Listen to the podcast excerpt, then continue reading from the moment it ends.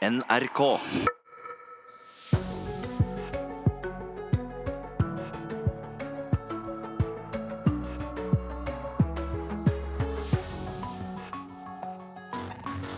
Det har vært eh, mange forsøk på å løfte yrkesfagene, men nå ser det ut til at vi lykkes. Ja, nå er altså yrkesfagene like populære som andre fag. Regjeringen er selvfølgelig kjempefornøyde, men er det nok lærlingplasser til dem? Vi har straks med oss fagfolk som skal svare på det. Valgresultatet i Pakistan er ennå ikke helt klart, men eh, hvilke utfordringer venter for den som blir den neste statsministeren? Vi følger med på dette, og har gjester også. Og dette er bønnen til eh, brannsjefen i Skien. Før det kommer skikkelig med regn igjen, da, så vil jeg anbefale å ikke ha åpen ild og levende lys på kirkegårdene. Hei og god morgen. Jeg heter Ida Creed og er programleder i Nyhetsmorgen. For første gang på mange år er det altså nå like mange som velger yrkesfag som studieforberedende fag i den videregående skolen. Det viser de nasjonale opptakstallene for videregående opplæring. Regjeringen er fornøyde og mener ungdommen nå endelig har fått opp øynene for alle mulighetene som yrkesfag gir. Jeg tror det har skjønt at vi ungdommen har startet å forstå hva vi egentlig trenger. da. Hva Norge egentlig trenger. At vi trenger flere fag helsearbeidere for å ta, ta vare på de gamlehjemmet. Og at vi trenger elektrikere og vi trenger tømrere. At vi trenger det grunnleggende for å liksom holde det oppe. For 15 år gamle Kawasike Rashashingham var det vanskelig å velge byggfag foran studiespesialisering. Men da hun møter NRK en knapp måned før studiestart, er hun stolt for at hun valgte det stadig flere ungdom gjør, nemlig yrkesfag. Alle greide ikke å se for seg det, at jeg skulle gå på byggfag. De hadde ikke de forventningene til meg. De tenkte ja, hun kommer til å gå på Katta. En ganske god skole, ikke eh, byggfag. Så at når jeg har valgt å ta et steg til det, så blir jeg ganske stolt. For regjeringa og kunnskapsminister Jan Tore Sanner er søkestatistikken en seier. Det har vært eh, mange forsøk på å løfte yrkesfagene, men nå ser det ut til at vi lykkes. De kronet 2018 til yrkesfagets år, og at det nå er en 50-50-splitt mellom yrkesfagene og studiespesialisering, viser at det utvikler seg i rett retning. Linjene som øker mest i søkertall, er helse og oppvekst og bygg- og anleggsteknikk. Sanner tror ungdommen nå ser at yrkesfag skaper muligheter. Det at flere ungdommer eh, nå velger yrkesfag, det er viktig først og fremst for dem. Fordi at eh, de har mange jobbmuligheter. De har mange muligheter til å bygge på med videre utdanning hvis de ønsker det. Og Norge kan komme til å trenge opp mot 70 000 fagarbeidere i 2035. Og det viser at vi nå er inne i en langsiktig satsing på yrkesfagene. Et budskap neste generasjon ser ut til å ha fått med seg. Men yrkesfag er jo ganske positivt for meg. Fordi det er det vi trenger, og etter fire år så har du et yrke. Og trenger ikke å gå etter høyere, utdanning. Og da har du praksisdelene som trengs i den, egentlig den høyere utdanningen, da. Normalt har yrkesfagene hatt en andel på 48% av søkerne. Yrkesfag har òg lenge slitt med et dårlig rykte, noe Kavsika fikk høre da hun bestemte seg for en yrkeskarriere i byggnæringen. Tar du yrkesfag, så blir du sett litt ned på. Og tar du studiekompetanse og velger, hopper inn, med, hopper inn på høyere utdanning med en gang, så har du litt høyere status. Et ufortjent rykte, mener Sanner, som sier de skal fortsette å øke statusen til yrkesfagelevene som vi så sårt trenger i fremtiden. Eh, og dessverre så er det fortsatt slik at eh, yrkesfagselever møter fordommer fra foreldre, fra lærere, fra, fra venner. Eh, og mitt klare budskap slutt med det, fordi at det er feil. Samme om, om du gjør det bra eller dårlig på skolen, så er det ditt valg når du kommer til videregående. Og hvis jeg velger for å gå bygg og anlegg eller bysk eller elektro, så er det mitt valg. Og det er verken som om du er dårlig eller flink på skolen. Selv om eh, de aller fleste nå har fått plass i den videregående skolen, er det fortsatt 11 eh, 000 som står på venteliste. Vi tar med det. Reportere i dette innslaget var Ola Solheim, Hans Jørgen Solli og Margrete Ryjord. Og Jon Sandnes, du er administrerende direktør i Byggenæringens eh, landsforening. Nå er altså yrkesfagene like populære som andre fag. Hva har det å si for byggenæringen? Det har veldig mye å si, eh, for det er også helt nødvendig. Eh, vi ser at eh, fire av ti bedriftsledere de sier til oss at de får ikke tak i fagfolk. Og det er én måte å produsere fagfolk på, det er rett og slett å få flere lærlinger inn i prosjektene. Og Dette skaper også da en større trygghet ved at flere og flere byggherrer setter krav til å ha lærlinger i prosjektene sine. Vi har fått en lærlingklausul eh, som er veldig bra. Og den eh, er fulgt da opp av veldig mange kommuner og statlige eh, byggherrer. For tre år siden så tok jo BNL og Fellesforbundet et initiativ til å ta kontakt med Kommunenes Sentralforbund for å se om vi ikke kunne på en måte sette en form for standard på hvor mange lærlinger man skulle ha i offentlige kontrakter. Og nå, eh, etter tre år, så er det altså nesten 200 kommuner som setter krav til at minst 7% av arbeidstimene skal eh, utføres av lærlinger. Og når så mange har gjort det, så har man også fått noen spydspisser, som Oslo, som har kommet med Oslo-modellen, som setter krav til 10% Og når dette nå har begynt å virke kan du si, i tre år, da begynner vi å se denne type utviklingen. Og da sprer det seg til, som vi hører her, som er så positivt, at, eh, at uh, unge jenter og gutter som da sitter og vurderer hva de skal gjøre, de ser det at ja, Eh, nå er det altså folk som, eh, bedrifter som, eh, som tar inn lærlinger. Byggherrene setter krav til det, og dermed så skapes det en trygghet for at jeg får en læreplass. Mm. Og så ja. ender man opp med å få flere fagfolk. Ja, Du sier altså bedriftene har, sagt i mange år at de ikke har nok rekruttering. Ja. Men en annen ting det har vært mangel på, er jo lærlingplasser. Det har vi jo snakket om i, i tiår. Ja. Det problemet er fortsatt ikke løst. Nei, det er ikke løst. Eh, men nettopp det at eh, såpass nå mange, mange kommuner og statlig etat setter krav til å ha lærlinger i prosjektene, så skapes det på en måte eh, en forventning der ute.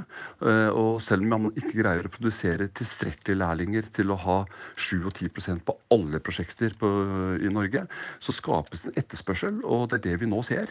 Ved at offentlige, og nå må vi få med de private byggherrene også på samme løfte. For det offentlige står for ca. 40 40% av det vi bygger. Så det er fortsatt 60% som bestilles av private byggherrer. Alle de er ikke så uh, gjentagende som det offentlige. Men uh, vi er i gang, og dette er da veldig positivt. Ja, det er bra. Eh, disse unge som da velger yrkesfag, de forventer jo da å få jobb når de er ferdig. Ja. Eh, ja. Er det eh, nok jobber til alle? Det er det. Uh, og i, uh, det vi ser av den utviklingen vi nå har hatt De siste året har vi fått altså 1000 flere uh, lærlinger på landsbasis. Og det er nettopp fordi at byggherre setter krav. Og det som da skjer, er at bedriftene de skaffer seg da lærlinger, og de skaffer seg også fagfolk. For den gode navet her det er at eh, når du setter krav til lærlinger, så må du ha bedrifter med ansatte fagfolk, for det er de som skal være læremestrene. Slik at Dermed så har man gjort på en måte det, det Colombi-egget, nemlig å sette krav til lærlinger. Så produseres det fagfolk som vi trenger. Vi er jo en næring som produserer altså for 522 milliarder i året. Og, vi er en evighetsnæring. Vi blir aldri borte. Så til alle gutter og jenter der ute, søk byggfag. Eh, det er en næring som aldri blir borte. Ja, eh, Det mange lurer på er jo da hvordan norske faglærte ungdommer kan utkonkurrere billigere utenlandsk arbeidskraft. Ja, Det er rett og slett ved at når man setter krav til lærlinger, så må man da bedrifte med ansatte fagfolk, og, du sikrer kvalitet. Jeg tror at folk som bestiller, enten det er privat eller offentlig, ser at når man skal kjøpe dyre verdier, så er det viktig å ha folk som vet hva de holder på med. Så jeg tror at kvalitet og fagkompetanse det vil over tid utkonkurrere eh, ikke faglært kompetanse. Så Tidligere er det jo da gjort undersøkelser der det har kommet frem at bygg og anlegg har hatt et dårlig omdømme blant eh, de unge. Betyr disse søkertallene som vi ser nå at eh, ryktet har blitt bedre, da? Ja, eh, ryktet er blitt bedre. Og så skapes det som sagt en trygghet. Det hørte vi på innslaget her med denne jenta. Som da eh, rett og slett eh, oppdager at fagfolk, det trenger Norge. Det er det ene. Og det andre er også at det er attraktivt. Og at jeg får en læreplass. Eh, det signalet er veldig viktig å sende til unge. og Derfor er det så viktig at eh, offentlige og private byggherrer setter krav til lærlinger, for da skapes den tryggheten. Vi hører at regjeringen eh, jubler og er veldig fornøyde. Men kan vi nå mm, si at jobben er gjort? Nei, den er bare så vidt startet. Som jeg nevnte, så er det jo fortsatt slik at halvparten av kommunene setter ikke krav til disse tingene ennå. Eh, så vi må få dem også løftet opp på, på dette 7 %-nivået, som vi sier det. Og så er det noen spydspisser, sånn som Oslo kommune, som går e, enda lenger. Men vi må få på en måte nærmest bunnplanken. Så jobben er så vidt startet. Takk for at du var med i Nyhetsmorgen, Jon Sandnes i eh, Byggenæringens Landsforening.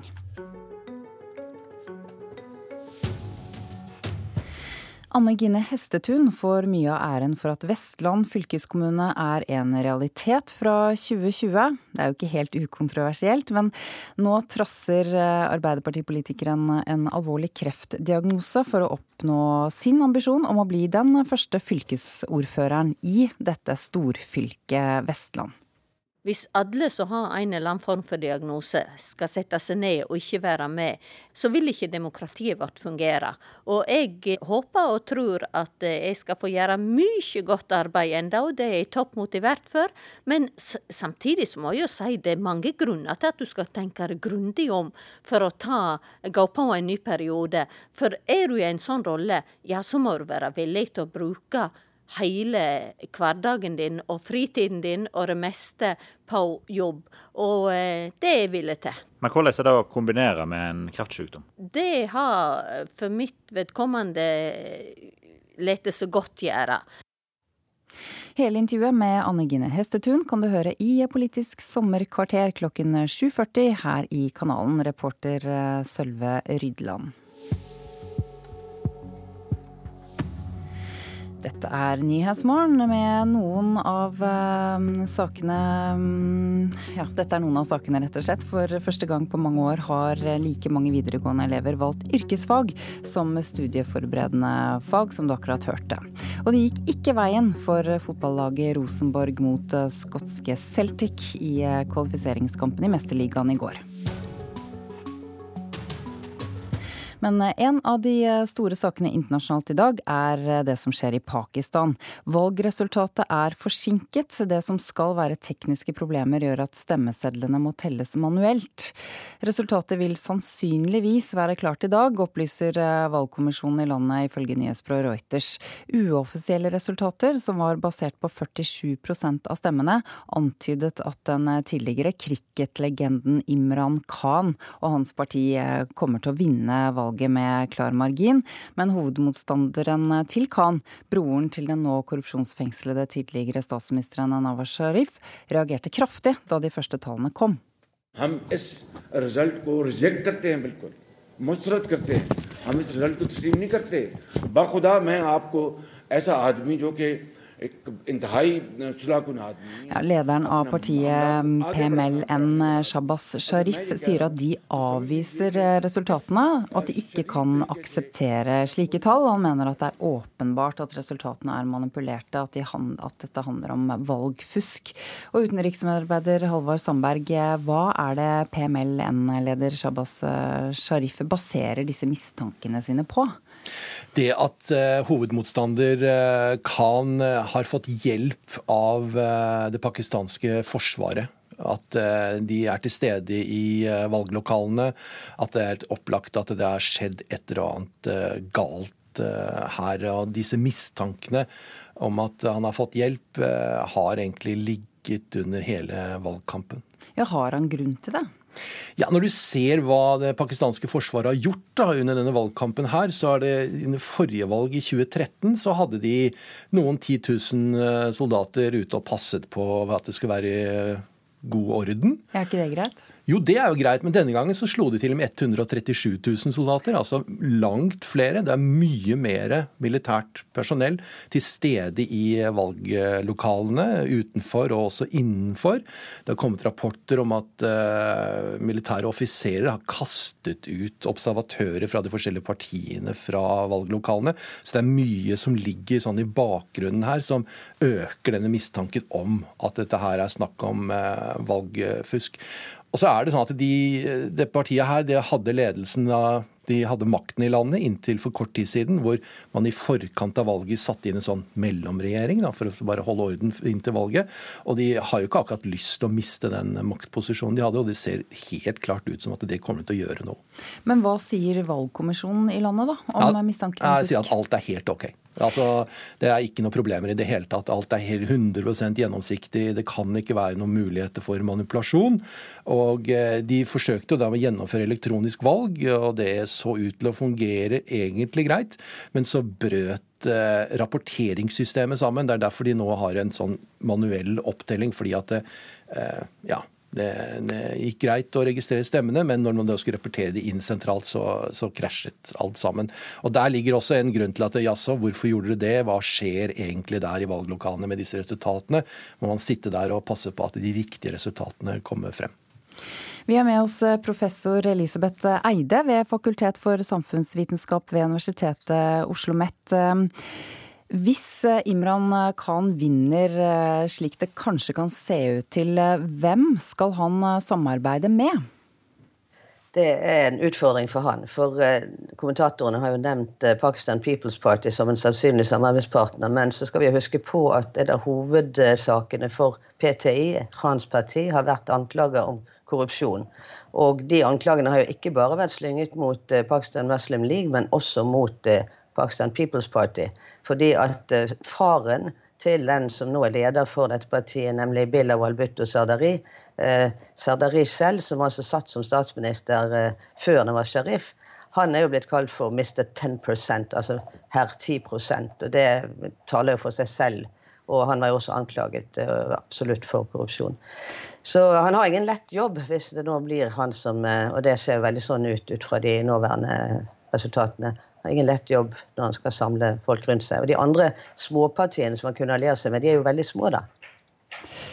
I, um, I, går var det jo et alvorlig bombeangrep eh, for ja, det er vel akkurat omtrent et døgn siden, bare timer etter at valglokalene hadde åpnet. Hvorfor øker volden nå som det er valg? Volden har jo altså, Jeg vet ikke om jeg sier at den har økt nå, for det har jo vært ganske høyt voldsnivå ganske lenge i Pakistan. Og med uh, uregelmessige, men relativt hyppige terrorangrep både mot religiøse minoriteter og uh, mot politiske motstandere. Det spesielle er vel kanskje at de ekstremistene som har stått bak dette, her, har lyst til å forsøke å forstyrre valget. Og fordi at eh, de tror jo ikke på demokrati. De er jo sånn som stempler demokrati som en vestlig oppfinnelse. Eh, hvilken rolle vil du si da at hæren spiller i Pakistan? Hæren har jo alltid spilt en stor rolle. I 31 av de årene som Pakistan har eksistert, så har jo det vært militærdiktatur. Hæren eh, vil gjerne ha kontroll, og det skal godt gjøres å regere i Pakistan uten å ha støtte fra hæren. Eh, hæren har vært veldig sentralt til stede i valglokalen, og de har sikkert brukt argumentet med eh, terrorangrep og slikt for å legitimere sin tilstedeværelse. Men det har jo vært kritiske røster også før valget når det gjelder denne tilstedeværelsen. Jeg skal også huske på at hæren er en privilegert enhet i Pakistan fordi at eh, F.eks. når de går om pensjon, så får de gjerne jord, de får bolig, de har gode pensjoner. Så de som også utgjør hæren, har veldig mye å forsvare. Du sa litt om det, men, men, kan du si litt mer om hvilke utfordringer som venter den eh, nye statsministeren? Det er egentlig en lang liste. Jeg får begynne på toppen. da. Altså, økonomien er eh, dårlig. De har stor utenlandsgjeld til internasjonale eh, institusjoner. Rupien faller. De har eh, stor fattigdom, 30% under fattigdomsgrensen. De har stor analfabetisme. Jeg har lyst til å bringe inn også kvinnespørsmålet her. fordi at mm. Befolkningsøkningen er også et eget stort problem. Fordi at man har ikke avtak for alle de nye generasjonene som kommer. Og med en lav eh, alfabetiseringsgrad blant kvinner, 48% så får du også flere barnefødsler. Altså All statistikk og alle erfaringer viser at mer utdannede kvinner fører til mindre familier. Eh, I tillegg har du selvfølgelig infrastruktur. Alle som har bodd i Pakistan, også vi som har vært privilegerte, har opplevd at strømmen går. Vi har eh, spørsmålet om eh, terrorisme, som fortsatt er et problem, og ikke minst den utenrikspolitiske utfordringen som ligger i at Pakistan eh, er mellom India, som har et veldig dårlig forhold til Pakistan for tiden. De har jo en hindu-fundamentalistisk regjering. De kjemper i Kashmir. Og i tillegg Afghanistan, hvor det foregår ganske mye krigshandlinger nå mellom Taliban og regjeringen. Vi skal jo også huske på at de hemmelige tjenestene som jo står hæren nær, har i lange perioder støttet afghansk Taliban. Det er jo ventet, tror jeg, at valgdeltakelsen skal være ganske høy. Vet vi noe om det? Den virker ikke høyere enn forrige gang, i 2013. Da var den på 55% og Det som eh, antydes i pakistanske medier nå, er en deltakelse på mellom 50 og 55% Det nye, eller kanskje ikke helt nye, det er at i en del distrikter hvor kvinner ikke har deltatt før, så har de nå kunnet delta. Men i noen distrikter rapporteres det også om at uh, mørke krefter, som jeg vil kalle dem, har greid å holde kvinnene unna. Mm. Utenriksmedarbeider Halvor Sandberg, eh, resultatet skal altså komme i dag. Men eh, hva skjer når tallene faktisk er på bordet? Når de andre partiene så klart har sagt at dette her er valgfusk, og de taper dette valget, hvilket det ser ut som de gjør nå, så har de sagt at våre medlemmer kommer ikke til å akseptere det. Vi kan ikke gå og fortelle våre medlemmer at dette her ble resultatet, og da blir det bråk. Politisk bråk, og det vil ta tid å få en ny regjering på plass. Det er kanskje det som er det største problemet. Takk til dere begge to, um, utenriksmedarbeider Halvard Sandberg og professor Elisabeth Eide ved Universitetet Oslo OsloMet.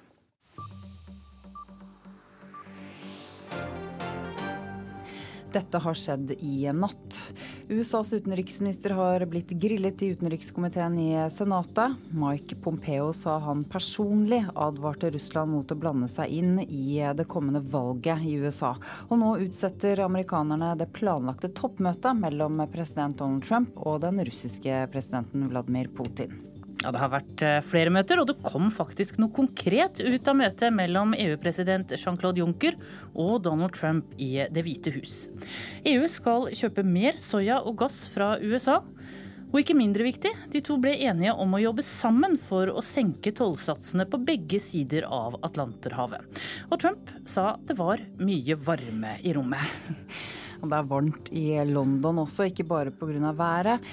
I London kjemper nå over 100 brannmenn mot flammene i en bygård fra 1897 i området West Hampstead. Bilder på sosiale medier viser store flammer og tykk røyk som siver ut av bygningen, men foreløpig er ingen skadet.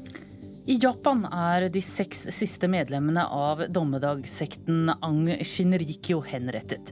Sekten sto bak terrorangrepet med nervegass på T-banen i Tokyo i 1995, der 13 mennesker ble drept og 5000 skadd. Målet til sekten skulle være å fremskynde slutten på vår tidsregning.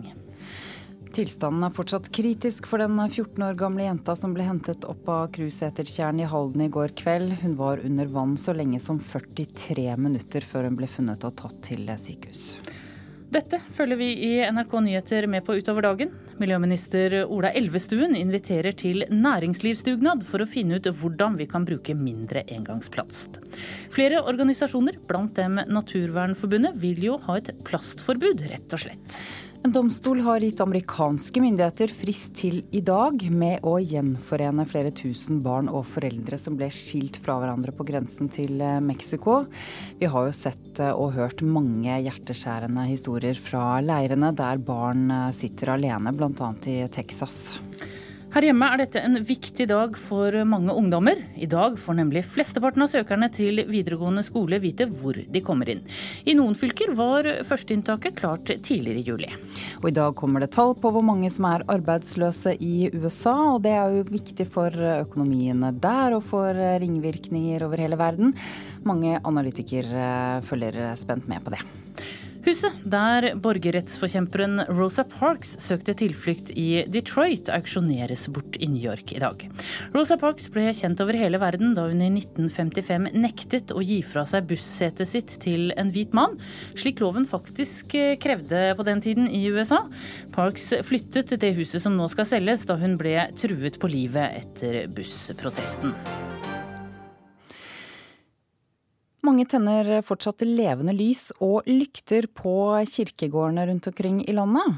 Det er ikke så lurt når det er så tørt som nå. Og i Skien så ber faktisk nå kirken folk om å legge fyrstikkene igjen hjemme når de steller gravene til sine kjære. Det blir jevnt tent lys. Det blir tent lys hele året. Syns du det er problematisk? Nå som det har blitt så veldig tørt, så er det en utfordring, da. Det er en risiko. Brunsvidd gress og tente lys på kirkegården skaper bekymring. Driftsleder på kirkegårdene i Skien, Gudmund Kverndalen, ønsker ikke at folk skal tenne levende lys nå, og minner om at totalforbudet mot åpen ild også gjelder på kirkegårdene. Det er jo veldig, veldig tørt nå. Før det kommer skikkelig med regn igjen, da, så vil jeg anbefale å ikke ha åpen ild og levende lys på kirkegårdene. For konsekvensene er jo så store hvis det skjer noe. Kristin Skjellhaugen steller ofte graven til sine kjære i sommer, og blir bekymra når hun ser hvor mange som tenner levende lys på kirkegården. Jeg var nede for å vanne på kirkegården og ser at det er flere lykter som er tent rundt omkring. Og jeg syns kanskje det er uforsvarlig nå når det er så tørt i bakken. Og selv om det er inni en lykt, så kan jo den tippe av ulike grunner. At det kan være dyr eller barn som kommer borti det, og antenne gresset som er kjempetørt. Hva er du redd for? Jeg er redd for at det skal brenne. Brann, rett og slett. Etter mange uker med tropevarme er det venta opp mot 40 millimeter nedbør på Østlandet til helga. Men det er tvilsomt at det kommer så mye regn at det ikke lenger er fare for skogbrann i det knusktørre landskapet. Samtidig meldes det også om lyn og torden, noe som bekymrer brannmannskapene. Brannsjef i Skien Guttorm Libe sier at det er direkte uansvarlig å tenne lys på kirkegården nå. Det skal bare en gnist til nå, altså. Før eh, det blir full fyr i eh, selv lav vegetasjon, som vi normalt betrakter som tungt antennelig. Så nå tar det fort fyr, altså. Og den kan spre seg fort. Er det litt ubetenksomt og uansvarlig av folk å tenne lys på kjerkegården? Ja, er det i nærheten av der hvor det er brennbart materiale i form av gress og vegetasjon, så er det det. Libe minner om at du kan få straff dersom du har tent lys som forårsaker brann. Eh, mange gravplasser eh, ligger i nærheten av skog og mark, og da er det helt klart ulovlig å tenne åpen ild. Når det gjelder de gravplassene som da ligger et stykke unna skog og mark, så er det ofte såpass mye gress og vegetasjon der at eh, ved å bruke åpen ild, så kan det ta fyr. Og da kan brannen spre seg. Så da blir det også uaktsomt å tenne åpen ild, eller, eller f.eks. stearinlys, på kjerkegårder generelt. Men på en kirkegård er det masse følelser involvert, og det er mange som har sitt eget rituale rundt eh, det å besøke sine kjære på, på kirkegården. Bør de ikke få lov å tenne et lys? Ja, Det går an å finne alternativer. Det finnes jo noen elektriske varianter som kan brukes også. Det sa brannsjef i Skien til slutt. Guttorm Libe, reporter var Solfrid Leirgull Øverbø. Du hører på Nyhetsmorgen på DAB pluss på nettet eller på mobilen din. Nå er Tone Nordahl klar med Dagsnytts hovedsending 7.30. Har du tips eller kommentarer, kan du sende en e-post til adressen 03030 at nrk.no.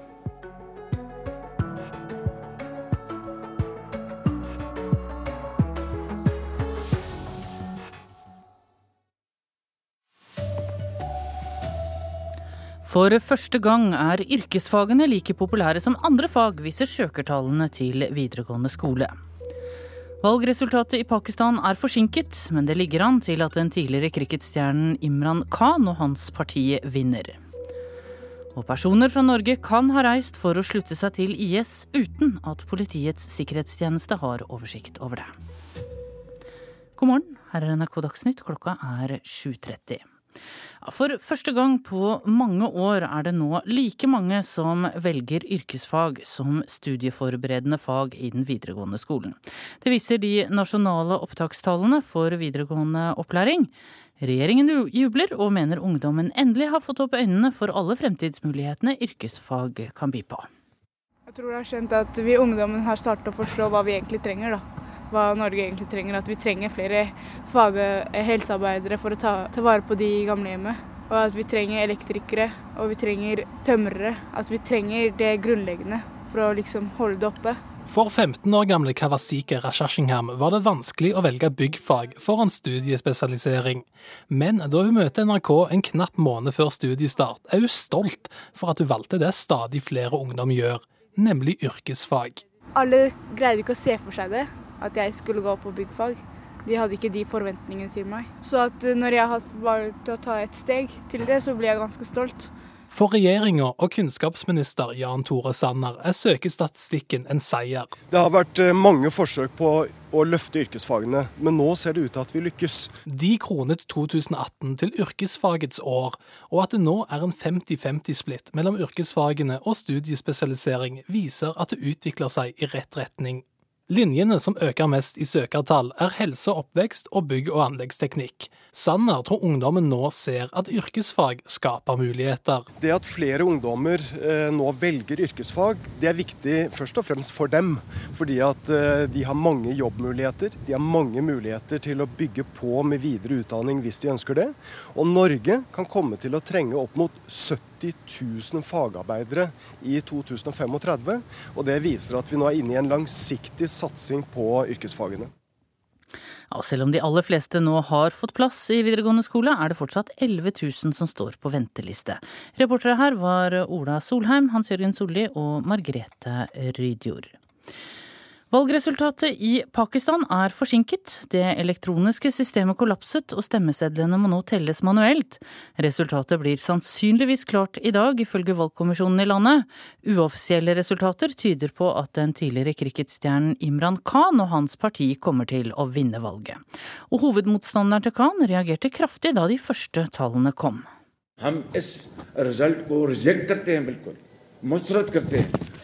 Lederen av partiet PMLN, Shabaz Sharif, som vi hører her, sier at eh, hans parti totalt avviser resultatene. Han mener det er åpenbart at eh, tallene er manipulert. Utenriksmedarbeider Halvard Sandberg, eh, hva er det Shabaz Sharif baserer disse mistankene på? Det er rollen til det pakistanske militære forsvaret, hæren, som har vært absolutt til stede under dette valget her, med godt over 100 000 soldater til stede ved valglokalene. Og eh, mange rykter og mistanker i forkant om at det er, det er Khan som er eh, kandidaten til det pakistanske forsvaret. Så det er en skikkelig sånn suppe av konspirasjonstankegang og mistanker som ligger i bakgrunnen. Ja, hva sier valgkommisjonen i landet om disse mistankene? At alt er helt greit. At det er 100% gjennomsiktig, alt har foregått riktig. Og at denne tekniske svikten de har hatt, har ingenting som kan sies å være i forbindelse med manipulasjon. Det er bare fordi at meldingssystemet brøt sammen, så de må de gjøre det manuelt. Ja, resultatet skal altså komme i dag. Hva kan skje når tallene faktisk er på bordet? Ja, De andre partiene sier at våre medlemmer kommer ikke til å akseptere dette resultatet, og eh, sier at dette kan vi ikke fortelle dem. og Da blir det sannsynligvis kaos, og det blir en forsinkelse i det å sette en ny regjering. og Det er det som er det mest alvorlige punktet. Takk, utenriksmedarbeider Halvard Sandberg. Så skal vi høre at Politiets sikkerhetstjeneste sier at norske innbyggere kan ha blitt IS-medlemmer uten at det har blitt fanget opp. PST sier de vet om rundt 100 personer som har reist fra Norge for å slutte seg til terrornettverket, men tallet kan altså være høyere. IS-medlemmer som ikke er kjent for norske myndigheter, kan dermed unngå straff om de kommer tilbake til Norge. Vi kan ikke utelukke at personer eh, kan ha kommet seg tilbake til Norge uten at eh, myndighetene er kjent med det. Det sier kommunikasjonsdirektør i PST, Trond Hugubakken. Rundt 100 personer fra Norge sluttet seg til terrorgruppen IS. Et tjuetalls av disse har blitt drept, og mange har kommet tilbake for å så bli straffeforfulgt for å bl.a. ha deltatt i terrorhandlinger.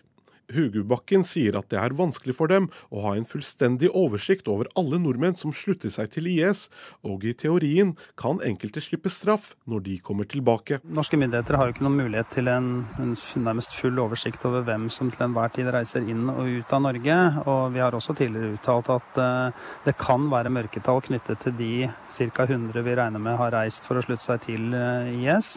Uh, det betyr at det kan ha reist personer ut av Norge og slutta seg til, uten at vi kjenner til det. Daglig leder i den minoritetspolitiske tenketanken Minotenk, Linda Nord, har jobbet med forebygging av radikalisering i flere år.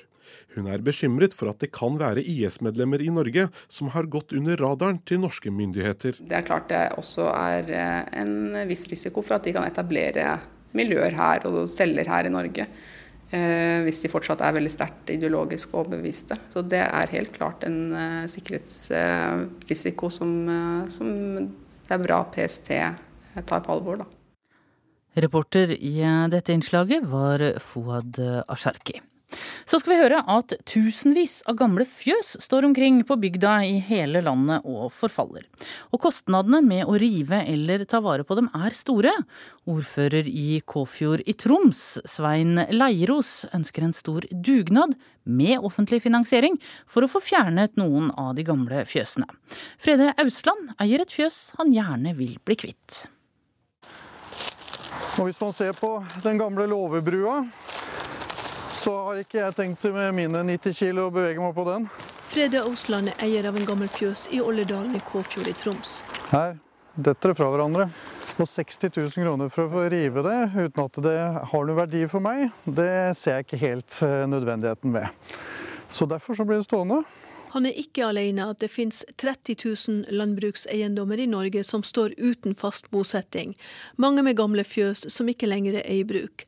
Eierne kan være døde, eller noen har arva en gammel eiendom og bruker boligen som fritidsbolig. Nei, Dette er jo et uh, godt eksempel. En av mange eksempler vi har i Bl.a. i Kåfjord kommune med fjøs som, som heter nedfalls. I Kåfjord finnes et tjuetalls, og ordfører Svein Leirås er bekymra. Men dette er jo et, et, en stor utfordring, ikke bare for Kåfjord kommune. Det er jo et si, nasjonalt uh, problem og utfordring. Men for mange kan det bli en kostnad på rundt 100 000 kroner.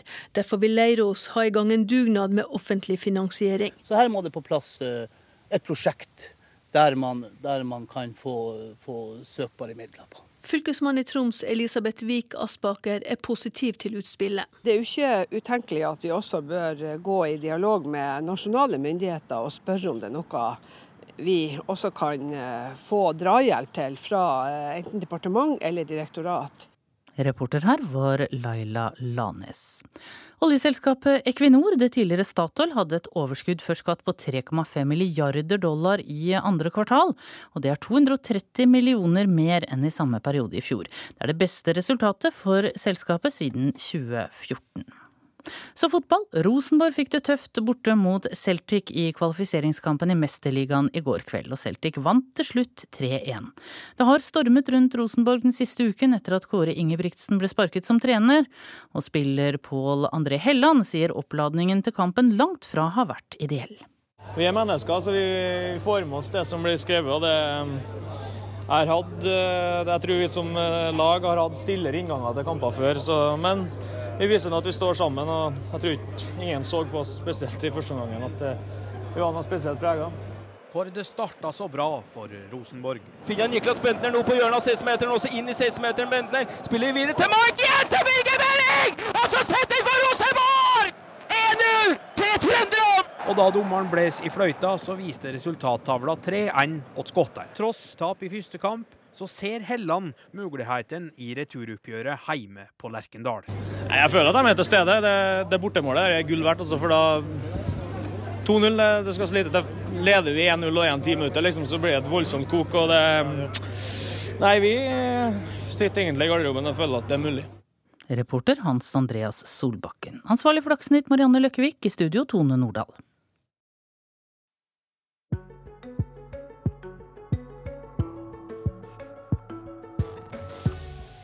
Nyhetsmorgen skal det handle om eh, lange navn nå, for nå har det jo blitt vanlig å ha både mor og fars etternavn.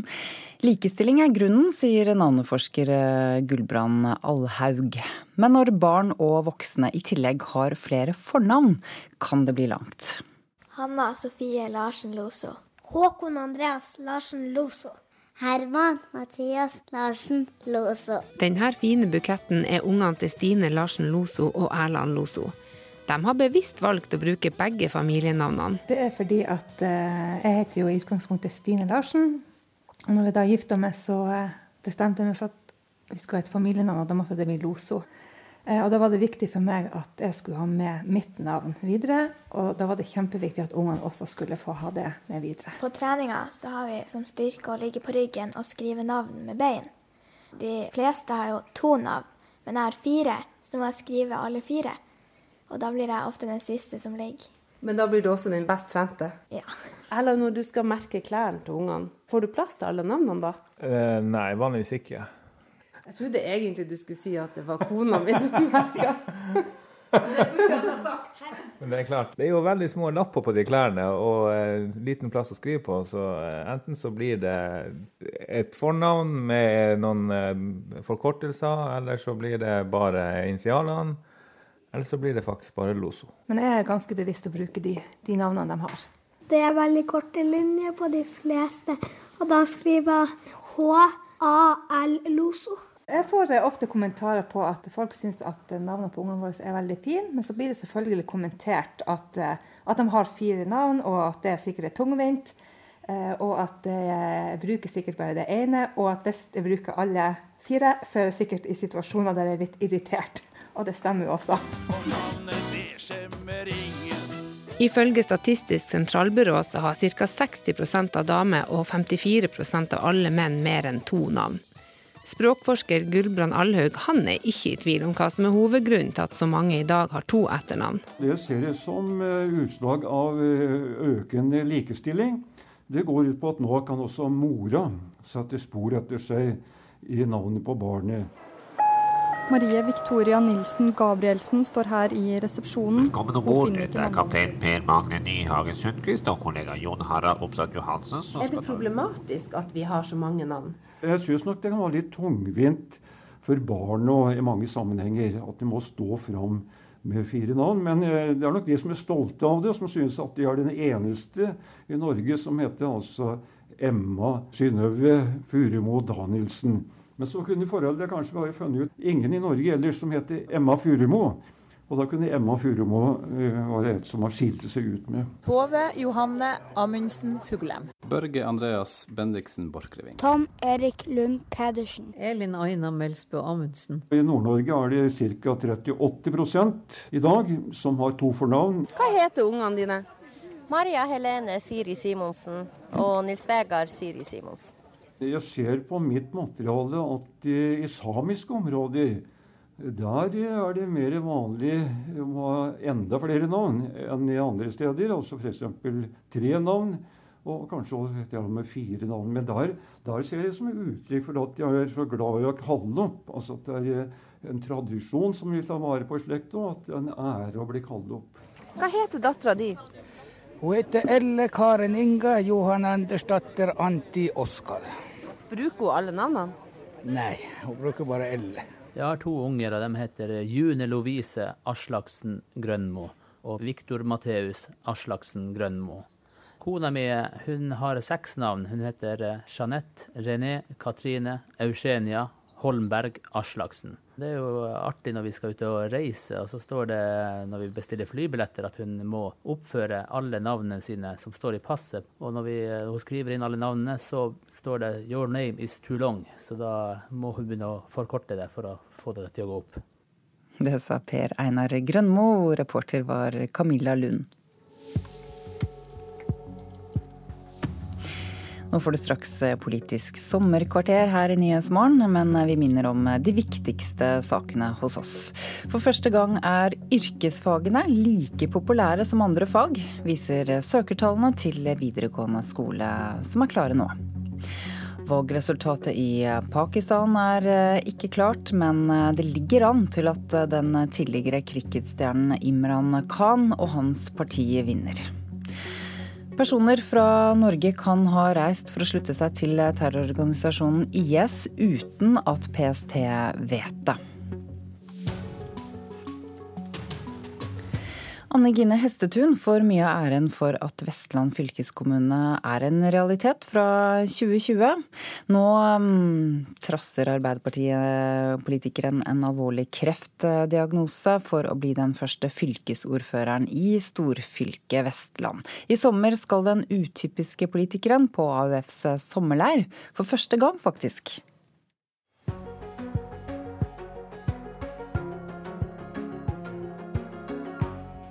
Så da går vi nett inn til Ronja. Hallo, hva du driver med? Jeg bare kikker litt på eh, billetten din til sommerleir. Jeg skal til Utøya. Ja, da kjører jeg fra fjellet og ned, og så skal jeg på Utøya for første gang. Aldri vært der? Alder. Jeg var ikke en tradisjonell politiker, så jeg har aldri vært på sommerleir og gleder meg veldig til å komme og oppleve AUF-leiren, men også veldig sånn vemodig i forhold til alt som har skjedd der.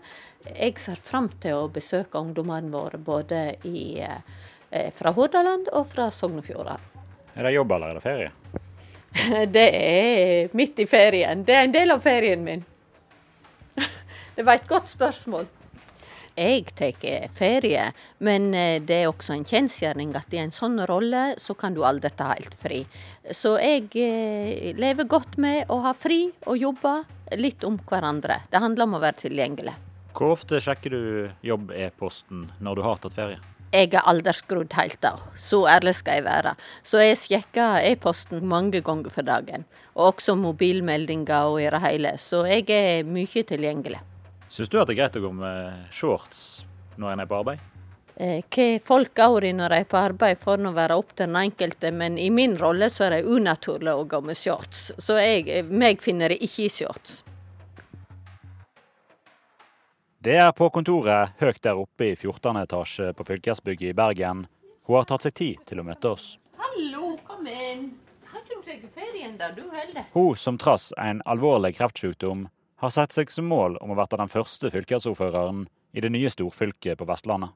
Kreften er ennå i kroppen, men det er òg kreftene som gjør at Anne Gine Hestetun nekter å gi seg. Hvis alle som har en eller annen form for diagnose skal sette seg ned og ikke være med, så vil ikke demokratiet vårt fungere. Og jeg håper og tror at jeg skal få gjøre mye godt arbeid enda, og det er jeg toppmotivert for.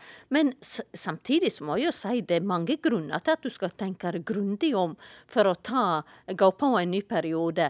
For er du i en sånn rolle, ja så må du være villig til å bruke hele hverdagen din og fritiden din og det meste på jobb. Og eh, det er jeg til. Men hvordan er det å kombinere med en kreftsykdom? Det har for mitt vedkommende latt så godt gjøre. Og i det så ligger ikke at ikke jeg har mine utfordringer. Men det er viktig å ikke sette seg ned. Og så er så velsigna med å ha mye energi og god energi og stor arbeidskapasitet, så det at eh, jeg tykker det at det går greit. Men Kan du si litt om hvordan de siste årene har blitt prega av sykdommen? Jeg tror at jeg er blitt en bedre politiker ved å måtte takle en så alvorlig sykdom parallelt. Det handler om hvordan en ser på folk rundt seg, hvordan en behandler folk rundt seg. Og det er jo klart at når jeg var på mitt sykeste, så hadde jeg stunder der jeg tenkte tenk er ikke det plass til meg i en jobbsammenheng? Tenk om det ikke er noen som vil eh, gjøre seg nytte av min arbeidskraft? Tenk hvis jeg ikke har lønn, hvis jeg blir gående utover et år? Hvordan skal jeg forsørge ungene mine? En del slike ting som er en dyrkjøpt erfaring, men som er greit å ha med seg inn i et politisk virke. Eh, Anne Gine Hestetun, det er mange som nevner deg som en helt avgjørende faktor for at det fra 2020 vil være ei fylkessammenslåing på Vestlandet, og at Hordaland og Sogn og Fjordane vil være ett fylke. Hvorfor har det prosjektet vært så viktig for deg? Jeg har trodd på eh, restrukturering av eh, det offentlige Norge i lang tid.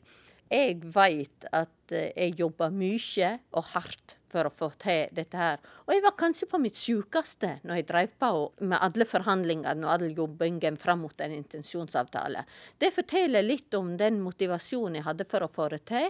Og engasjementet og det harde arbeidet var en viktig faktor for å få til vår del av løsningen. I utgangspunktet så var det tre parter i uh, dette samarbeidet, men Rogaland sa takk og farvel i løpet av prosessen.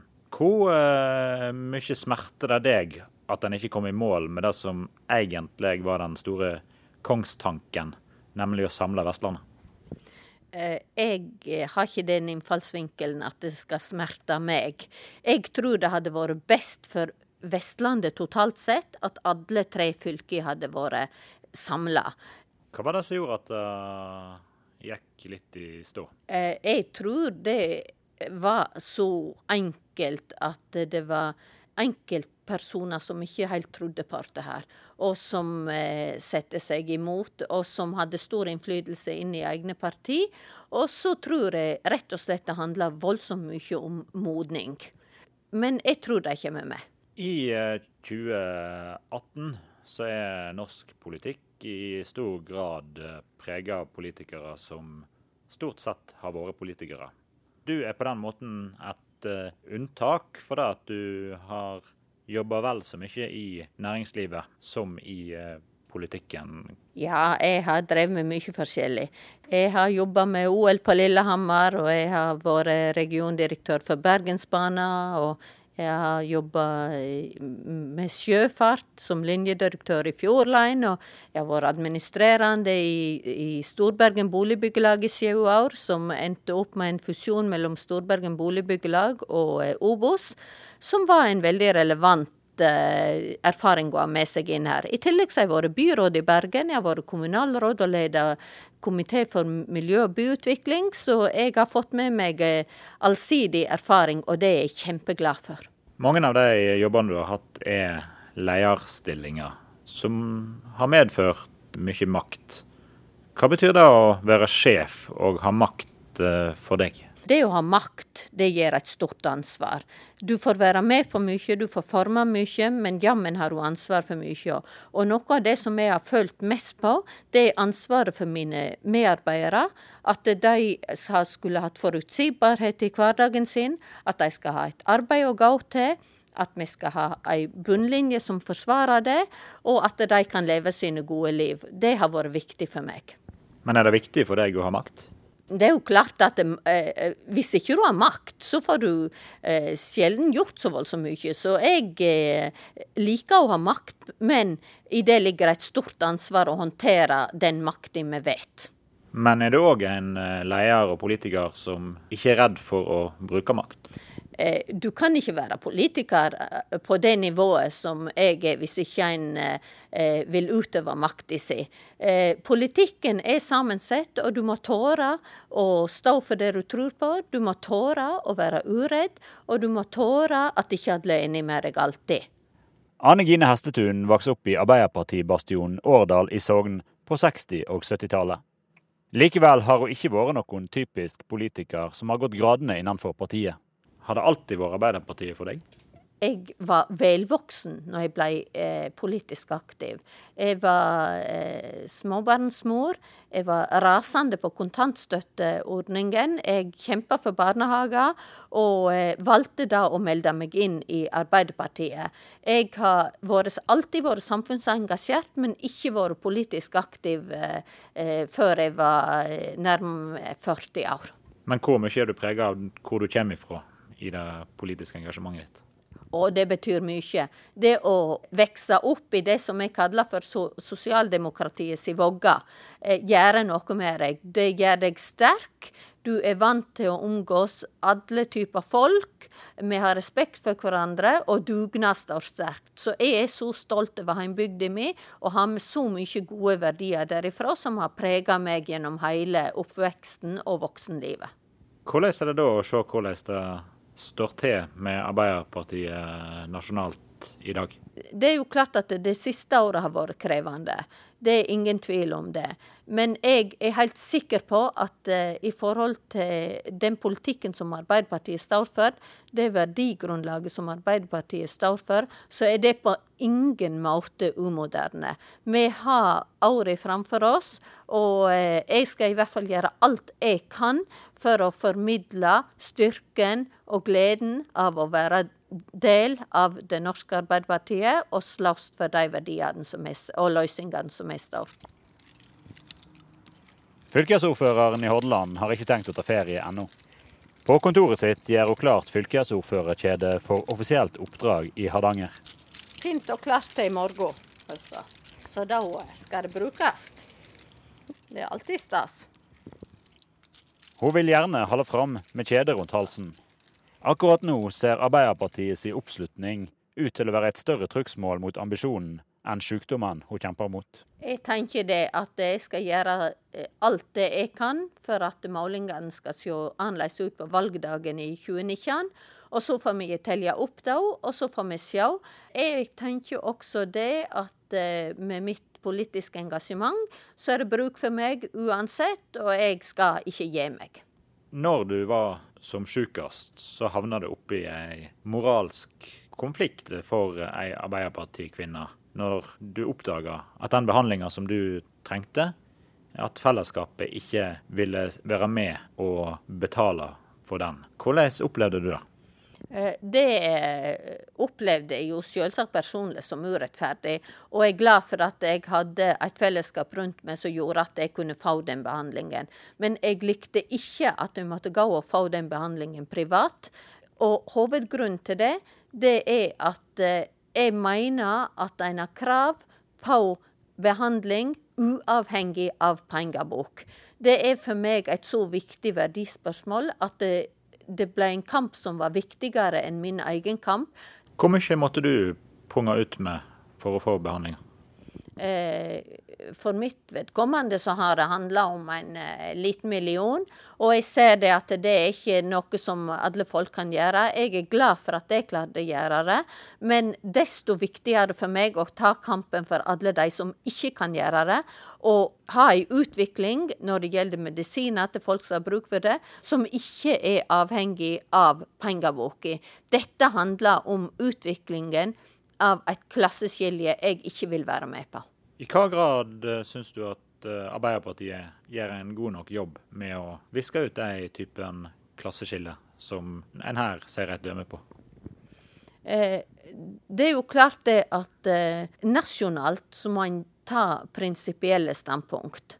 Eh, dette er alltid et dilemma. Eh, jeg er helt klar på at noe av det jeg er stoltest for i Arbeiderpartiet sin politikk, det er at det fellesskapet skal være med og, og bære byrden i lag, slik at vi har et velferdssamfunn som tar hånd om alle. Og det er viktig for meg å slåss for. Men opplever du da i en sånn situasjon at velferdsstaten kommer litt til kort? Jeg skjønner jo dilemmaet med at eh, det er ikke penger til alt. Og det var vel kanskje et av mine hoveddilemmaer i denne diskusjonen. Og jeg mener akkurat når det gjelder liv og helse, og det at en kan eh, hjelpe folk til et mye mer normalt liv, det er god politikk. Og det er ikke bare god politikk, men det er også god samfunnsøkonomi. Det er mye billigere å ha meg i full jobb enn at jeg skulle sitte hjemme i en stol. Men er det forsvarlig med den uh, sykdommen som du har, å satse på et uh, verv som går så langt fram i tid? Eh, det funderte jeg på for fire år siden og for åtte år siden. Jeg sitter nå her. Du veit ikke når dagen kommer, og en kan ikke gi opp. Og jeg, eh, hadde jeg gitt opp for åtte år siden, så hadde jeg ikke sittet her i dag. Så jeg er ydmyk, men vil bruke mulighetsbildet. Anne Gine Hestetun ble intervjuet av eh, Sølve Rydland.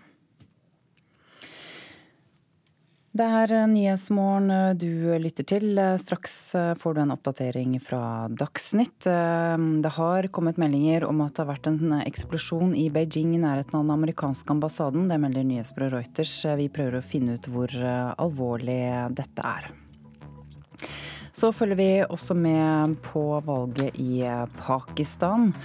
Valgresultatet der er forsinket. Det ligger an til at eh, Imran Khan og hans parti kommer til å vinne.